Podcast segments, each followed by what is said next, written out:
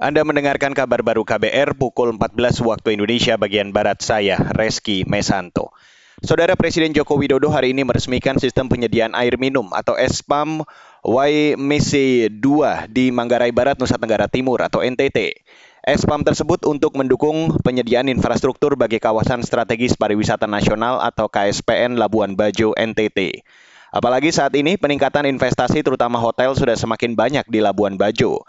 Sistem penyediaan air minum atau SPAM YMC 2 dibangun dengan nilai investasi 159 miliar rupiah.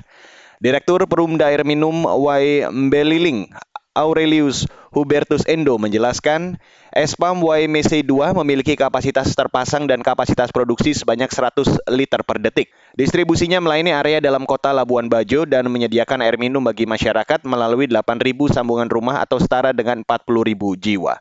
Beralih ke berita selanjutnya, Saudara. Jaksa Agung ST Burhanuddin mengapresiasi kinerja seluruh jajarannya dalam peningkatan penanganan perkara hukum yang berkaitan dengan hajat hidup masyarakat luas. Jaksa Agung mencontohkan pengungkapan kasus mafia minyak goreng dan mafia pertanahan. Itu disampaikan Burhanuddin saat menjadi Inspektur Upacara Peringatan Hari Bakti Adiaksa ke-62 di Jakarta. Tema yang diusung adalah kepastian hukum, humanis menuju pemulihan ekonomi.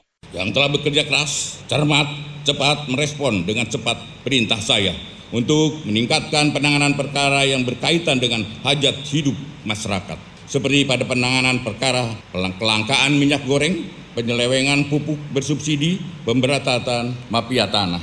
Respon cepat tersebut telah berkontribusi dalam meningkatkan kepercayaan masyarakat kepada institusi kejaksaan, di mana keresahan masyarakat terwakilkan dengan langkah-langkah hukum yang sudah lakukan.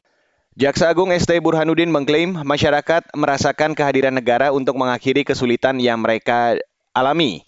Karena itu, jajaran kejaksaan harus menjaga harapan dan kepercayaan masyarakat.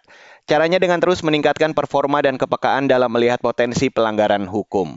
Saudara Indonesia menempati posisi kedua di dunia terkait perdagangan orang. Tudingan itu termuat dalam laporan Amerika Serikat tentang perdagangan orang pada tahun lalu.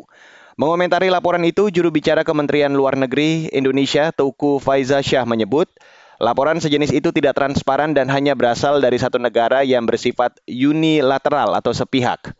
Kedua, karena ketidakjelasan parameter ini, maka Indonesia tidak pada posisi untuk memberikan komentar. Ketiga, akan lebih berbahaya lagi jika laporan-laporan serupa ini dilatar belakangi pula oleh semangat rivalitas antara kekuatan besar.